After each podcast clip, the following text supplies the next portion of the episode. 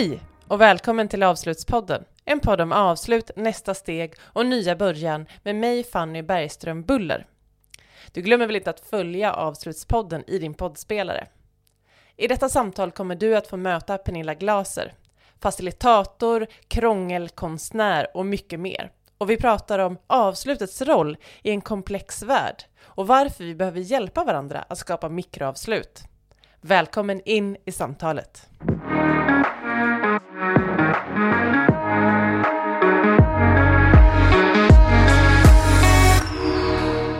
Hej Pernilla Glaser och välkommen till Avslutspodden. Hej, tack. Du är så himla välkommen. Du är, om jag ska introducera dig, det är inte, jag ska säga, det är inte kanske så lätt att introducera dig, för du är så, du är en person som gör så många spännande saker. Eh, så du ska få berätta lite mer själv, men men om jag får presentera dig först så skulle jag berätta att du är en författare, lärare, metodutvecklare och upplevelsedesigner. Och jag har eh, mött dig eh, i många olika sammanhang genom åren som jag har befunnit mig i arbetslivet och bland annat liksom lite utifrån kulturhållet där jag vet att du eh, befinner dig ofta och arbetar med kulturinstitutioner bland annat men också är en del av kulturen skulle jag säga och skriver och så. Och sen så nu jobbar du också som forskare på RISE och har något så fantastiskt spännande som eh, att du jobbar med komple komplexitet, konflikt och motstånd i, på en forskningsplattform som kallas för Laboratory of Disorder. Det får du gärna berätta mer om sen. Och du eh, driver också ditt eget företag där du liksom utforskar olika saker kring facilitering och möten mellan människor och processer och sådär. Vad det? Jo, och sen har du, håller du på att skriva en bok om konsten att trösta. Eller den kanske redan är färdig? Ja, men det är så bra. Jag, jag, jag vill alltid ha med dig. Det här är så här bästa his, hisspitchen jag har fått, tror jag, på, på vad jag håller på med. så, men det är ju som du säger, det, det är ju rörigt och, och vilja göra många saker. Och på, från insidan så, så känns det ju mest som att man håller på med samma sak, fast med lite olika metoder man håller på, jag, jag, jag nördar på vad är det som hjälper oss att förändra saker? Hur kan vi jobba tillsammans? Och vilken roll spelar berättelser i, i våra liv och förändringsprocesser? Och så undersöker jag det på massa olika sätt. Och det är ju precis som du säger, väldigt många, massa olika sätt. För att jag tycker också att det i sig är så intressant och givande att byta format. Eh, och att lära sig om vad händer när vi pratar om det, vad händer när vi gör gestaltare, vad händer när vi många, vad händer när vi få och så vidare. Och så vidare. Vilka, vad är det som frisätts då? Så att, eh, ja, men jag tycker din beskrivning var, den var toppen. Helt enkelt. Det är precis jag. Vem, vem är du med då, utanför, när du kliver utanför eh, din, eh, din forskarrock och din, eh, din vem är du hemma? Ja, men jag, jag, jag, jag är ju samma hela tiden. Alltså jag, mina barn säger till mig ibland att du vet att det finns människor som har bord till andra saker än att lägga boktravar på. Att det finns en annan poäng med bord också. Man kan ibland vilja ställa kaffekoppen där istället för på golvet till exempel, bredvid bordet med boktravarna. Jag, jag, har, inte så, jag, har, jag har inte så täta gränser eh, och jag är absolut inte en sån som säger att det är underbart för alla människor att det är lite rörigt mellan verksamhet och samvaro i det privata. Men för mig så är det eh, Eh, bara jättehärligt. Och därför så är också den här röran som vi knuffas in i med coronan inte så hotfull för mig. Det är inte jobbigt att jobba hemma till exempel. Det är toppen och lika bra. Jag kan sakna fysiska workshops och möten absolut jättemycket och upplevelser och äta med andra och så. Men, men det spiller, jag är van vid att världarna spiller över i varandra. Jag bor i, i Gustavsberg eh, och jag eh, har en eh, porös familj.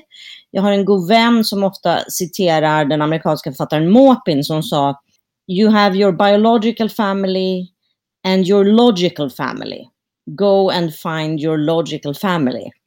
Och jag har verkligen en logisk familj. Liksom jag har mina barn och jag har vänner och jag har syskon och jag har en kärlek. Och det, allt det där är liksom en logisk familj. Och lite katter och, och saker. Och sen så ägnar jag så mycket tid jag kan åt att laga och äta mat när jag inte håller på och skriver och läser alla de där böckerna. Och eh, gå i skogarna som finns här i skärgården. Mm. Gud, det var faktiskt en av de sakerna som jag insåg för några vecka sedan när jag liksom kände efter vad jag saknade mest just nu. Förutom i viss mån liksom vänner som eh, man inte hinner träffa eller kan träffa just nu av olika anledningar. Så kände jag just den här maten. Jag, jag kände att jag hade tröttnat på min egen matlagning och längtade just efter, jag, jag tror att det är det här sensoriska. Att mm. eh, när man sitter hemma väldigt mycket så blir man ganska man, man missar dimensioner av sensoriska upplevelser. Ja, man får liksom designa lite eh, matupplevelsen vid sitt eget köksbord. Mm, absolut, ja, verkligen. Pernilla, ja. jag blev så nyfiken. Du har ju också skrivit ska man säga, en, en rapport som jag tycker att det är värt att tipsa om som heter Navigating Complexity, som du skrev i det här forskningsarbetet du gör på RISE. Mm. som ju beskriver väldigt mycket. Jag tänker, vi lever ju idag i en värld som är i högsta grad komplex, eh, där det sker så mycket saker eh, parallellt och mm. hela tiden och där eh, vissa saker avslutas eh, och andra saker börjar och att det händer liksom nästan varje sekund. Och när jag läste den rapporten då, då, då tänkte jag just på det här, då slog mig tanken kring eh, här, vad, har, vad har avslutet för roll i den här väldigt eh, framåtorienterade världen där vi har, där det ibland känns som att vi, vi ska liksom bygga kompetenser och vi ska utvecklas som människor och vi ska um, hitta nya sätt och nya tekniker för att göra saker, men ganska sällan så, så liksom tar vi, säger vi stopp. Mm. Att nu ska vi lämna det här. Vi gör ju det ändå. Vi lämnar ju givetvis saker, men, men vi pratar väldigt lite om det. Mm. Vad tänker du? Ja, men jag, jag tycker att det där är så rasande intressant. Därför att vi, det är ju som du säger, att vi, vi är väldigt vana vid att ersätta, att ersätta snarare än att avsluta. Alltså att vi ersätter någonting som vi bedömer är, är dåligt med något som vi bedömer är bättre. Och det här ersättandet, eh, det präglar ju kan man säga, vårt konsumistiska förhållningssätt. Vårt konsumistiska förhållningssätt ser precis likadant ut som vårt eh, sätt att ofta arbeta med innovation och utveckling.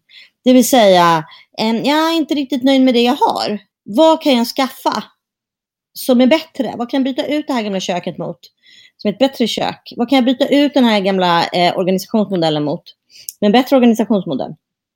Och det behöver inte vara dåligt att byta varken kök eller organisationsmodell.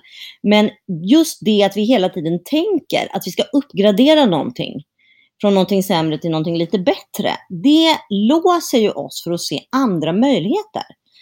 Kan jag använda det här gamla köket eller den här gamla organisationen på ett annat sätt? Jag kanske inte behöver byta ut allting. Jag kanske kan ställa om saker. Eh, jag kanske kan byta ut delar eller jag kanske kan hitta andra sätt att använda det på. Så att vi, vi, jag tycker att vi, vi, vi, är, vi går lite trögt med vårt omställningsmindset och det tror jag är för att vi har den här eh, uppgraderingen väldigt djupt inlagd i oss, en sorts liksom, industrialiseringens tankemodell för vad utveckling och, och, fortsättning är. Det ska bli bättre och bättre hela tiden. Eh, genom att byta ut saker mot bättre innovationer, bättre system. Så att det, jag tänker att det här med avslutning då kommer in på flera sätt. Dels kommer det in i, i, det, i den meningen att om man tänker att man inte ska byta ut något sämre till något bättre, utan att man istället ska försöka, förlåt att det prasslar lite, så, eh, att man istället ska försöka eh, ställa om eller använda något på andra sätt, då, eh, kan man, då måste man börja tänka i mikrointerventioner och mikrohandlingar. Kan vi sluta med en liten sak? Kan vi skapa, och, och det, då, då, i det perspektivet så tycker jag att avslutande handlar väldigt mycket om att skapa utrymme. Kan vi sluta ha de där långa mötena som vi har på måndagar? Vi kanske inte behöver göra om hela organisationen, men vi slutar med det. Så får vi lite mer utrymme för reflektion. Eh, kan vi sluta eh, och, och ha de här fyra köksmaskinerna igång och kanske göra oss av med två av dem och spara in lite energi och göra något smartare. Alltså att skapa utrymme för någonting annat som man inte har utrymme för genom små mikroavslut eh, i, i den värld man rör sig i. Det är liksom ett sätt. Det är ett sätt som jag tycker det kan vara intressant att tänka på avslutets betydelse. Alltså att skapa utrymme. Ett annat sätt att tänka på avslut är ju att tänka att vi inte heller ger utrymme för att säga hej då. Och precis som du säger, vi pratar inte om det. Vi har inget språk för det. Utan vi är väldigt eh, upptagna med att vi ska känna entusiasm inför det nya. Eh, och nu vi har en kick-off och nu ska vi sjösätta den nya modellen. Men vi har ingen begravning för den gamla modellen. Där vi pratar om så här, vad älskade jag med vår gamla organisation? Vad älskade jag med att det fanns ett kartotek av papper där man kunde bläddra eh, efter biblioteksböckerna. Jag förstår att det inte kan vara för evigt, men jag vill bara hålla ett tal, ett kärlekstal till den här, det här kartoteket. Alltså att det också är viktigt. Därför att då kan vi ta med oss kvaliteter från det vi lämnar. Och det tror jag också, det tror jag är någonting som vi kan ha användning av. Att säga, jag älskade det, precis, det kan inte funka på precis det sättet, men det finns någon kvalitet där som jag vill ta med mig över in i det nya. Och jag sörjer och jag släpper. Men någon, något sorts lärande, tänker jag. Exakt. Jo, men jag funderar på också på det här med, som du säger, med, det känns lite som att vi har, mm, vi bygger gärna upp, precis som du pratar om, med de här mikroavsluten. Då är det ju som att man kanske också, det krävs att man hela tiden reflekterar och är lite med på vad som händer under resans gång. Jag tänkte liksom, man kan ju ganska lätt säkert översätta det här till vilken relation man har som helst i sin liv med föräldrar, vänner, partners och sådär. Jag tänker att det är ju ganska lätt att man pushar allting till den gränsen där man känner att så här, nu står jag inte ut och se dig någonsin mer.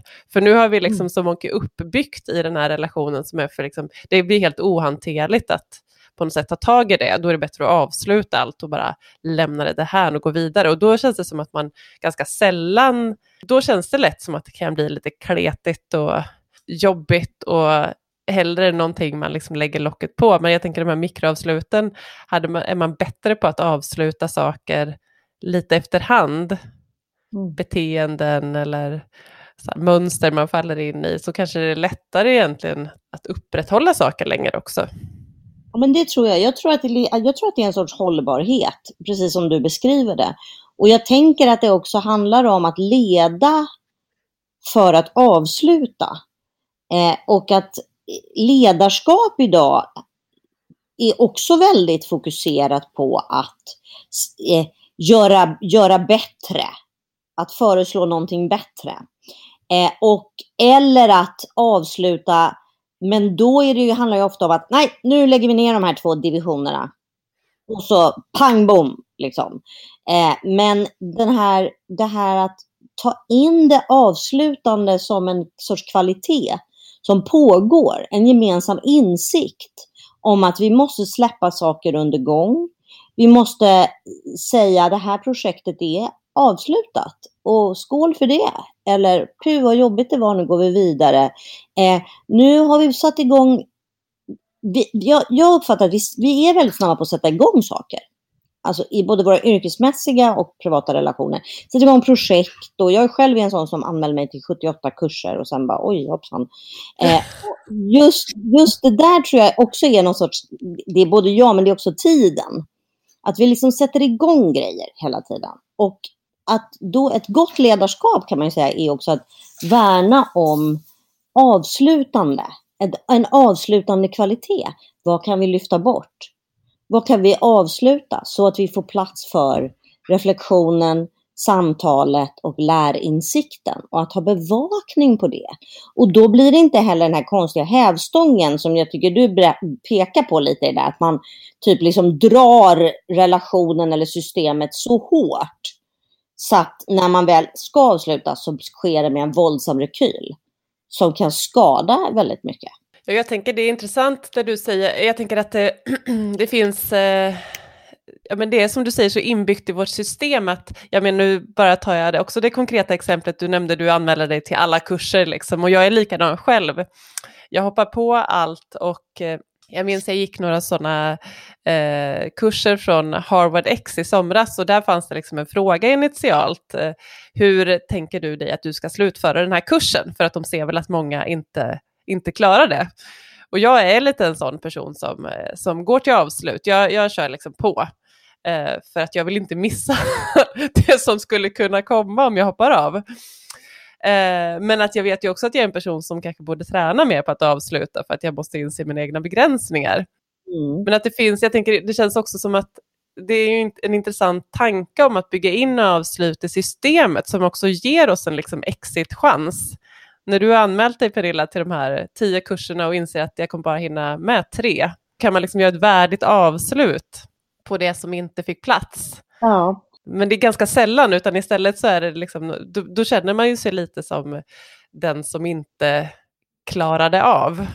Ja, precis. Och jag tror att det där, det där du säger nu är så intressant. Därför att jag gjorde ett experiment för ett tag sedan med en work, alltså, eh, jag, jag och en, en processledarkollega skulle hålla en workshop eh, en förmiddag. Och eh, vi skickade ut lite material till deltagarna och så började det droppa in några sådana här eh, Åh, jag jätte, det här ska bli så himla kul. Jag är jätteledsen, men jag måste gå iväg för en grej. Är det okej okay att jag kommer liksom lite senare? Alltså och det kom ett par sådana och min analys var att folk är stressade och trötta. Folk vill, det är inte att de är emot oss, men det är bara fasen alla har mycket. Och då sa jag till min processledarkollega att du, vi gör en drop-in workshop. Eh, vi bara gör så här att vi säger kom och gå som du vill vi bara pågår med vår, vår Det värsta som kan hända är att jag och Gunilla har ett kul samtal med varandra själva. Det är inte så eh, och, Men sista halvtimmen gör vi en sammanfattning. Så då kan man ju vara med. Och det blev så bra. För att för alla var verkligen där. Och otroligt närvarande och tog väldigt stor omsorg. Det var flera som sa så här, nu skrev i chatten så här, nu måste jag bara avvika i 20 minuter för en grej. Men sen kom jag tillbaka och så kom jag tillbaka och var helt närvarande. Och det störde ingenting. Och jag tyckte att det var så intressant därför att det, det lärde mig att vi lägger på en massa idéer om närvaro och eh, vad det betyder i form av att visa sig, att sitta där, att ta sin plats, som kanske faktiskt är helt felaktiga. Det kanske är just när det är, när möjligheten att kliva tillbaka finns, som vi faktiskt kan vara närvarande på våra egna villkor. Och det, det tror jag är någonting som vi kommer att behöva undersöka mer i en framtid för att, för att hantera komplexitet och hantera oss själva. Vi är olika. Och att du måste gå iväg en timme för att göra något annat betyder inte att du hatar det här projektet eller är helt oengagerad, utan du bara behöver göra något annat. Ja, men, och det känns lite som att det kanske hänger ihop med att vi tar oss ibland på lite för stort allvar, tänker jag. Ja. Eh, jag vet också, jag liksom, eh, som entreprenör haft eh, workshops och så vidare som man har bjudit in till och där man, man har typ haft ont i magen timmen innan för man är så här, okej, okay, hur många avanmäler sig nu när vi ska köra? man vill, nej, jag kollar inte mejlen, det, är ingen, det är ingen idé, jag vill inte veta. Eller ovetande så att det kommer noll. Än att veta att tio avbokade sig. Alltså det finns en sån, jag tänker, eh, och, och, jag tänker det handlar ju precis som du säger, det handlar ju nästan aldrig om att det är man själv som är problemet. Nej. Det handlar ju bara om situationen som är och olika anledningar. Men lätt lägger man ju just det där. Jag tänker att det finns en, en koppling där till avslut just i att det blir, ett, i ett avslut så på något vis så måste vi kanske också avvisa eller sätta ner gränsen gentemot människor eller organisationer eller sammanhang och säga, vi säger ju liksom stopp. Ja. Det blir inget mer av detta nu och då, och det jag tänker att det är, det är en obehaglig känsla ja. att bli avvisad. Ja, men jag tänker, att, jag tänker att vi är rädda för att bli avvisade, men jag tänker också att vi är väldigt bra i våra organisationer på att skapa eh, något som man kanske skulle kunna kalla för toxiska mellanlägen. Som är när, ja, alla är närvarande på det här mötet, men hälften av kameran avstängda och de andra ser ut som att de har somnat. Det är ju liksom, de är här för att vi håller på och kräver hela tiden den här eh, visuella närvaron. Det blir mer en symbolisk närvaro. Eh, och den förhindrar ju val. Och den förhindrar också att man faktiskt visar sig. Alltså, det finns inget utrymme att säga, jag är här idag, men jag är ganska ledsen. Och jag vill att ni ska veta det. Att jag är lite skör och jag kanske inte kommer prata så mycket och det beror på det. Eller jag är så himla taggad men också stressad. Men jag har läst in mig jättemycket i förväg. Alltså, vi, vi kan vara närvarande på så olika sätt. Men när vi inte har något utrymme för att visa det eller göra val utifrån det, då kommer de här toxiska eh, låtsassituationerna eh, av närvaro. Jag, jag, jag, var med om en sån här konstupplevelse när jag var tonåring som präglade mig väldigt mycket. Det var en enkvinnasföreställning, ett gästspel på Kulturhuset av en, performanceartist som heter Denise Stoklos från Brasilien. Och hon, eh, hon satte igång sin föreställning, det var mjölpåsar och det var allt möjligt som for i luften. Och sen efter en kvart så avbröt hon och så tändes det upp i taket och så sa hon så här. Ja, det, den, den kommande då en och en halv timme kommer vara ungefär så här. Så att om ni känner nu efter den här kvarten att nej, jag är, det var faktiskt inte riktigt den här föreställningen jag ville se. Då, då öppnar vi dörrarna nu eh, i åtta minuter och eh, ni kan gå ut. Eh, och sen så gick hon omkring och typ stretchade och drack vatten. Och, ja, du vet ju, åtta minuter är typ en halvtimme liksom. Titta på dem på en scen. Men det var ju så fantastiskt. Också, för sen kunde hon säga så här, okej, okay, jag ser att ni sitter kvar. Stänger vi dörrarna, släcker vi taket, så kör vi. Och då körde vi ju, det vill säga, vi, det var ingen interaktiv föreställning i den meningen att någon klev upp på scen. Men vi var ju där. Det var som att slå på kameran i det digitala mötet. Vi var ju där. Och jag tänker mm. att där är någonting som, som alltså, det handlar också om möjligheten till att avsluta. Som man kan säga ja eller nej till. Som möjliggör närvaro.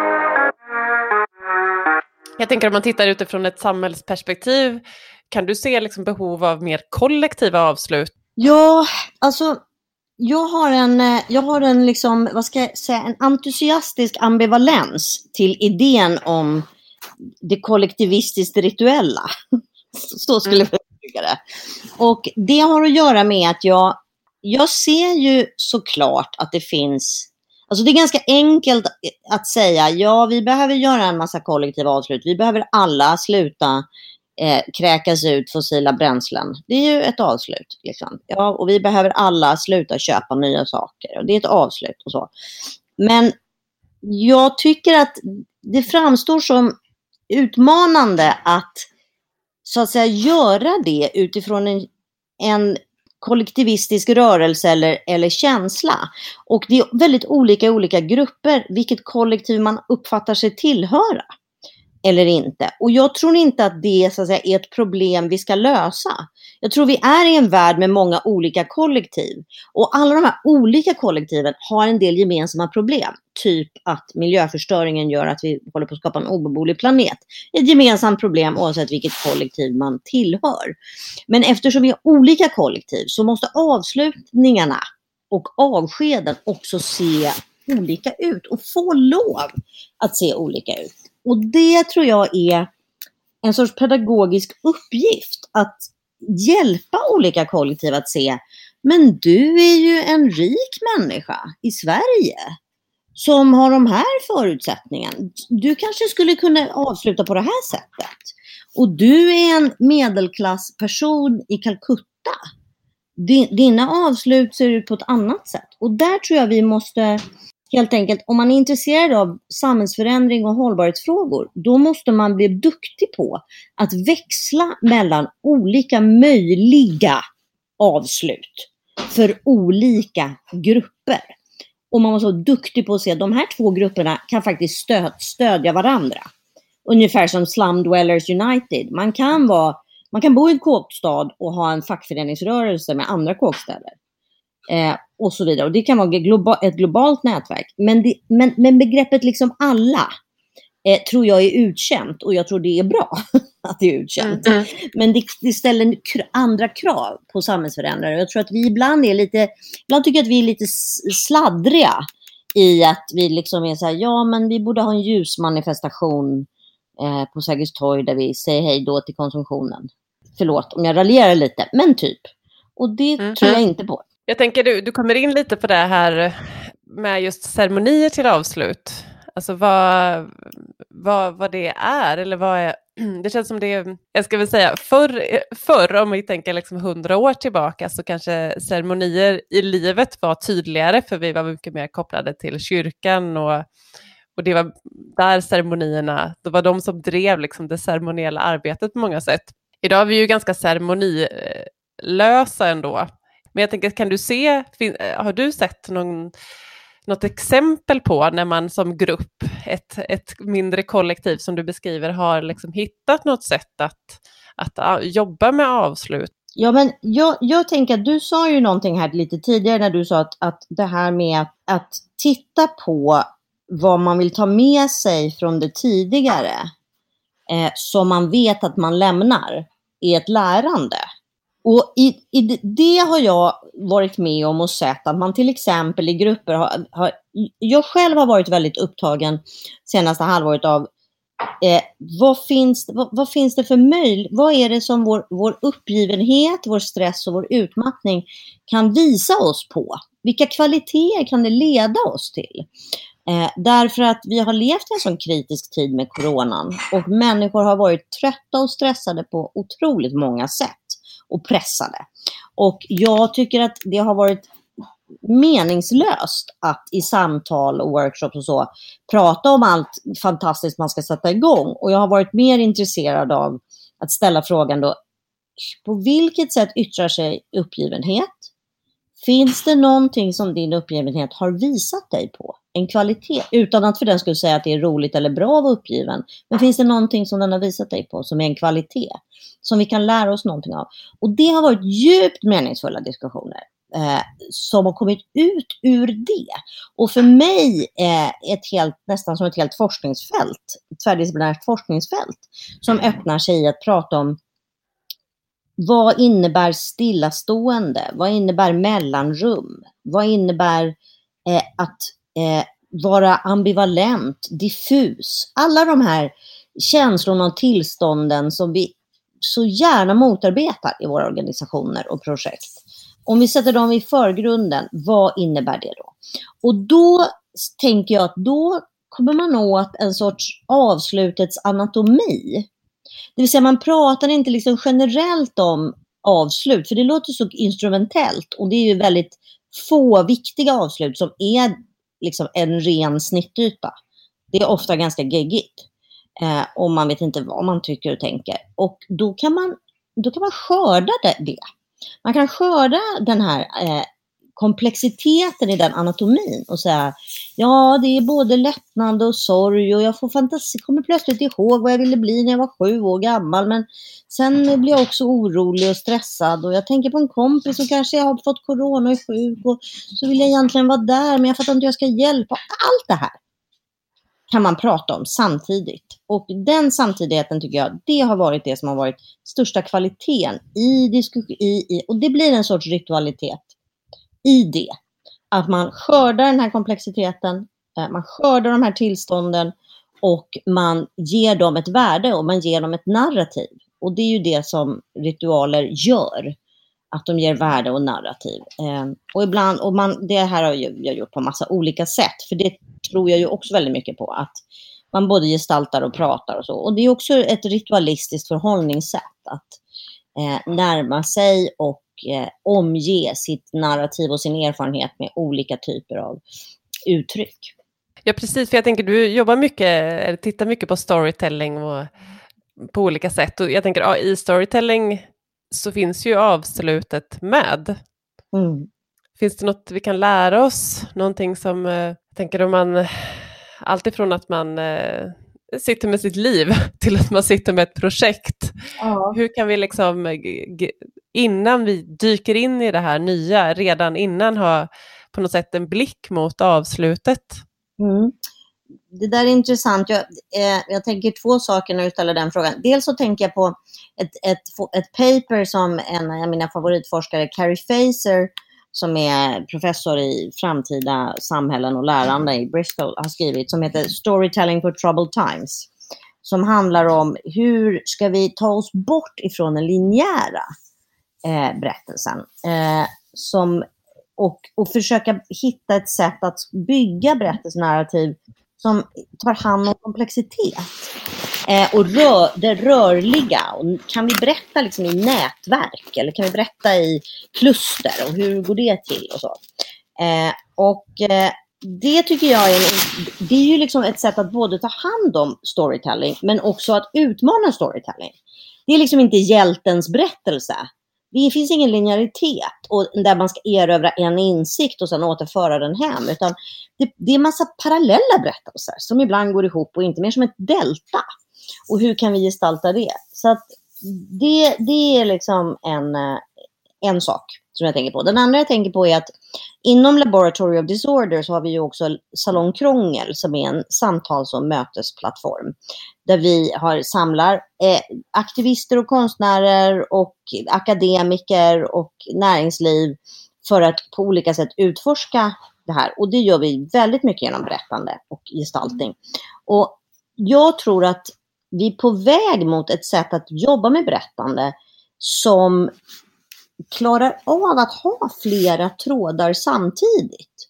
Och det är ju egentligen inte superkonstigt för dit går ju tv-spelsberättandet på samma ställe. Liksom. Så att det, det, det, kommer bli lättare och lättare ju yngre människor som växer upp och tar över. För de är själva fostrade in i det, ett, ett sådant komplext narrativ.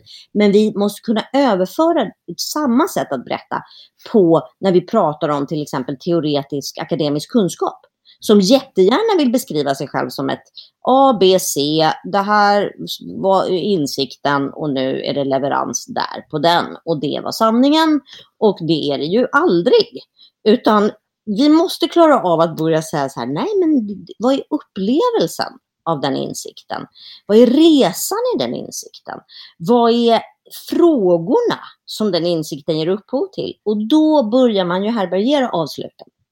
Man börjar visa på att det här är kanterna för vad, vad jag kan belysa med min insikt. Och sen blir det mörkt och där kanske tänder du någon lampa.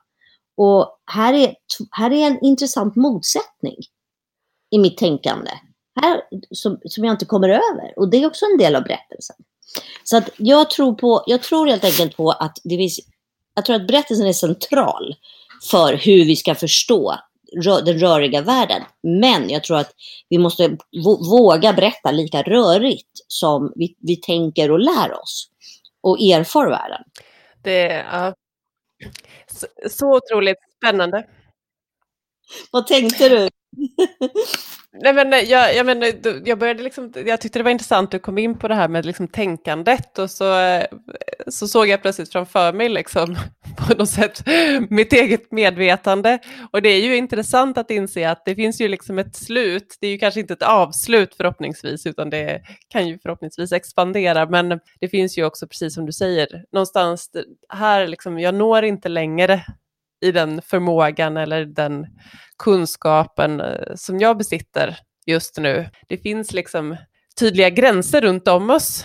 Mm. Men vi, de, eh, jag har överhuvudtaget inte tänkt på det, på den delen av liksom den mentala processen. Eh, det är ju otroligt spännande, för jag tänker att det, på något sätt så finns det hela tiden, som var inne lite på inledningen av samtalet den här idag, ja men, och så jag är verkligen av den skolan själv, att om någon frågar mig om någonting svårt och frågar om jag vill göra det så säger jag, jag säger ofta ja och tänker det där kan jag lära mig. Mm. och någonstans kan jag nästan känna att jag blir glad när jag kommer till en punkt där jag känner att jag kan fan inte det här. Nej. Svårt ju! ja, det var för svårt. Men för att jag tänker också att um, ibland behöver vi förstå att det finns liksom det finns gränser, det finns avslut runt om oss och efter det så handlar det kanske om att det är en annan person mm. eh, många gånger som är den som ska vara den som tar över. Exakt. Men att vi, ja, och det ligger väl i den här härliga flexibla inställningen vi ska ha till allting, att, att vi alltid liksom tänker alla dörrar öppna. Nu säger jag verkligen inte att alla människor är så. Vi skolas ju lite grann in i det tankesättet. Så även om man inte trivs med det så kanske man känner så ibland att man behöver liksom, nej jag kan inte säga nej till det där för att då är risken att jag inte får vara med i det sammanhanget eller jag kan inte tacka nej till det där jobbet för att så. Ja, precis. Jag, jag, tror, att det, jag tror att det är två, jag tycker att du, du är inne på två, två olika saker som båda är enormt intressanta. Alltså det första som du är inne på, när, det här med vad händer när, när jag förstår att jag inte kan behärska det den här, att den här med enhjuling var helt enkelt något som jag inte lärde mig. Eh, då tänker jag att när vi delar med oss av det som är, mot, som är fullt av motstånd, alltså när vi har en föreläsare prata om det eller bara en kollega eller vi, vi själva formulerar så, motstånd, eh, tvekan och ambivalenser och så här, då, eh, då flyttar vi in både oss själva och andra människor i det relationella. Vi säger detta måste vara ett samtal. Jag vet inte fasen hur det här hänger ihop. Prata med mig, gå i relation med mig det här. Och det är ju därför som folk blir på så gott humör när forskare säger den här nöten kan jag inte knäcka. De snackar om den. För att plötsligt så är man så här, ja, jag är ingen kärnfysiker, jag kommer inte knäcka den heller. Men det är bara kul att vara med och dansa. Det är bara kul att komma upp på dansgolvet. Och jag blir uppbjuden av, inte av att någon annan presenterar lösningar, utan av att någon annan presenterar utmaningar och svårigheter. Och där finns alltid avslutet med, eller gränsen som en del. Så det, det är det ena jag tänker. Och det andra jag tänker är att det här härliga flexibla som du pratar om, att vi ska liksom säga ja, omfamna det okända. Det, det är ju också en sorts, alltså det finns ju en, en fantasi om att individernas härlighet, härliga inställning, i det som ska utgöra det samlade arbetsklimatet. Och det är i sig en sorts organisationstortyr som vi utsätter oss själva och andra för. Där vi kidnappar det här språket för flexibilitet och kreativitet och utveckling och gör det till en, en pålaga för hur vi ska vara i världen.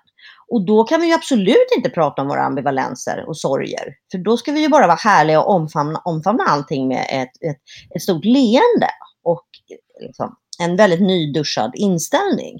Och det är ju det är ren ondska. Eh, att bygga sådana organisationskulturer, inte helt ovanligt, lite, kanske börjar backa lite nu, men inte helt ovanligt. Och precis motsatsen till det som forskningen pratar om kring till exempel psychological safety, där vi är tillbaka i relationella och bygger säkra rum tillsammans kring våra osäkerheter och också kan säga det här, nu kommer vi in på en fråga som är väldigt ömtålig för mig, eller det här är jag inte bekväm med.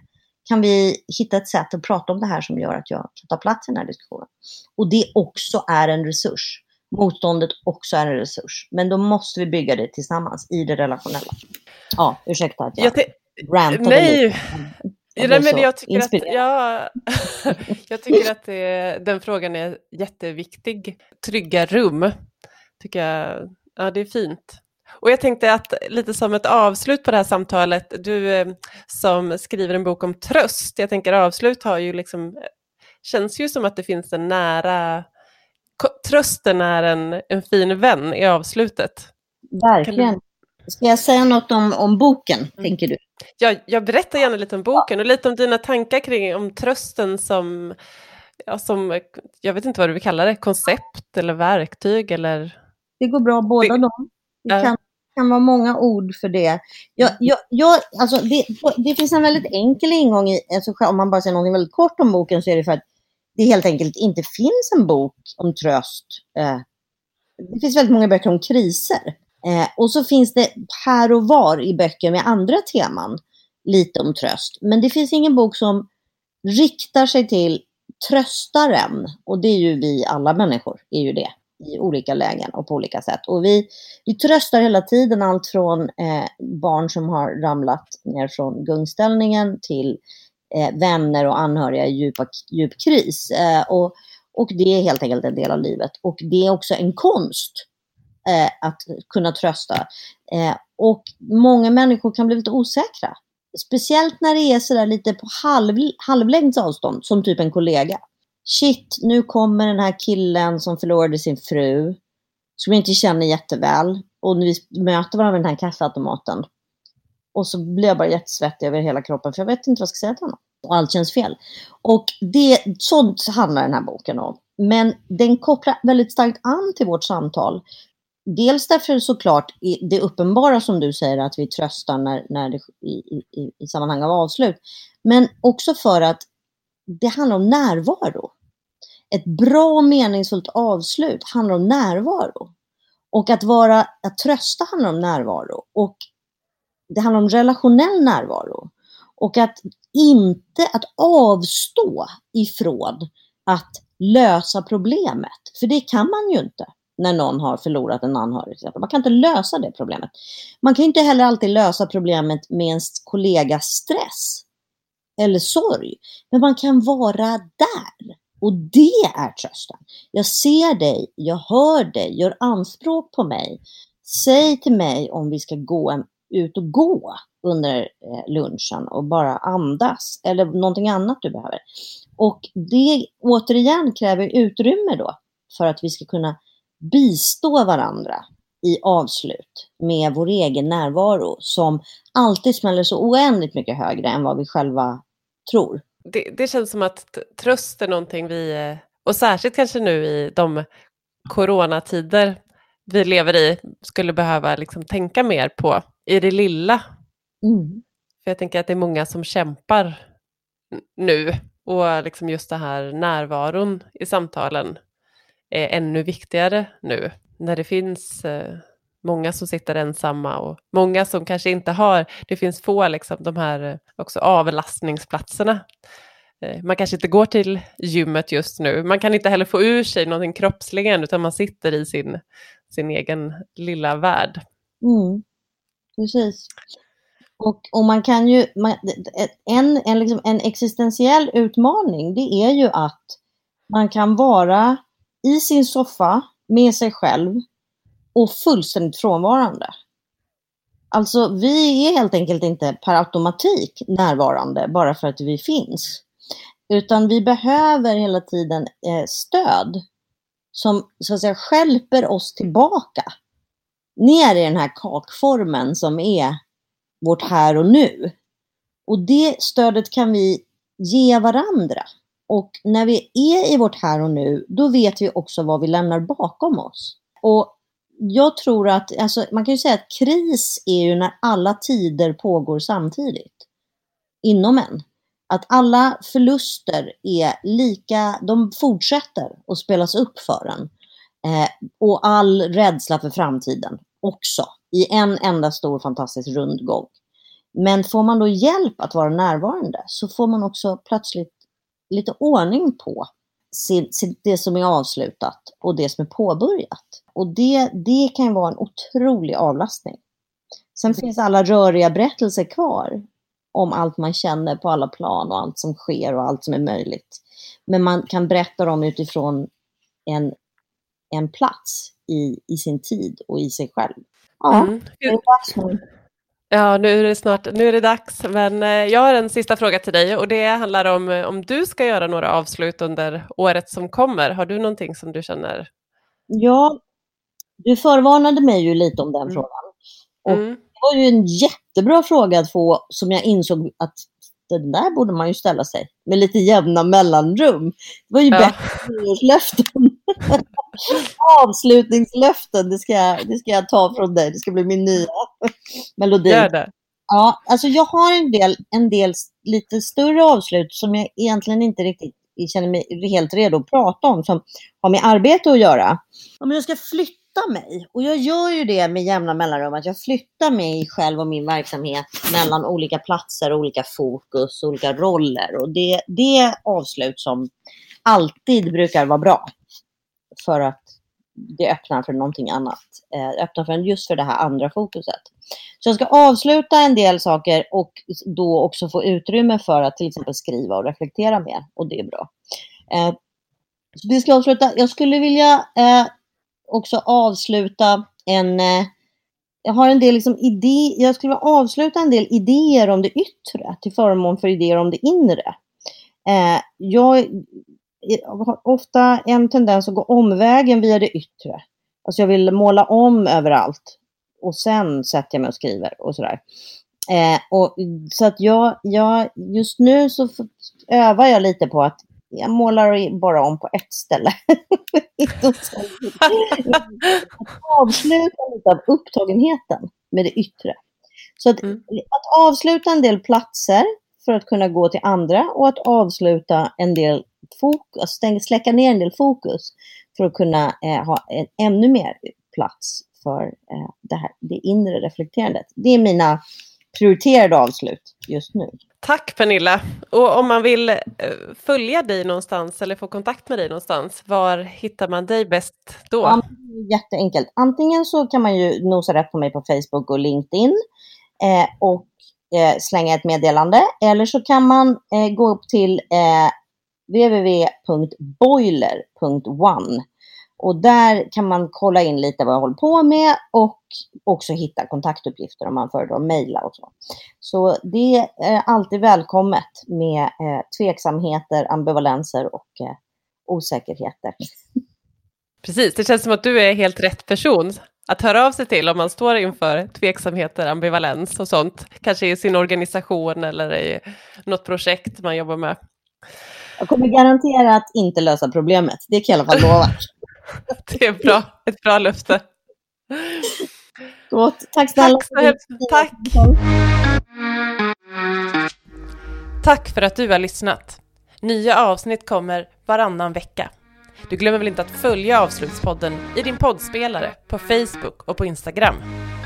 Jag vill också passa på att tacka Daniel Buller och Henrik Alser som hjälper till med produktionen av den här podden. Vi hörs snart igen.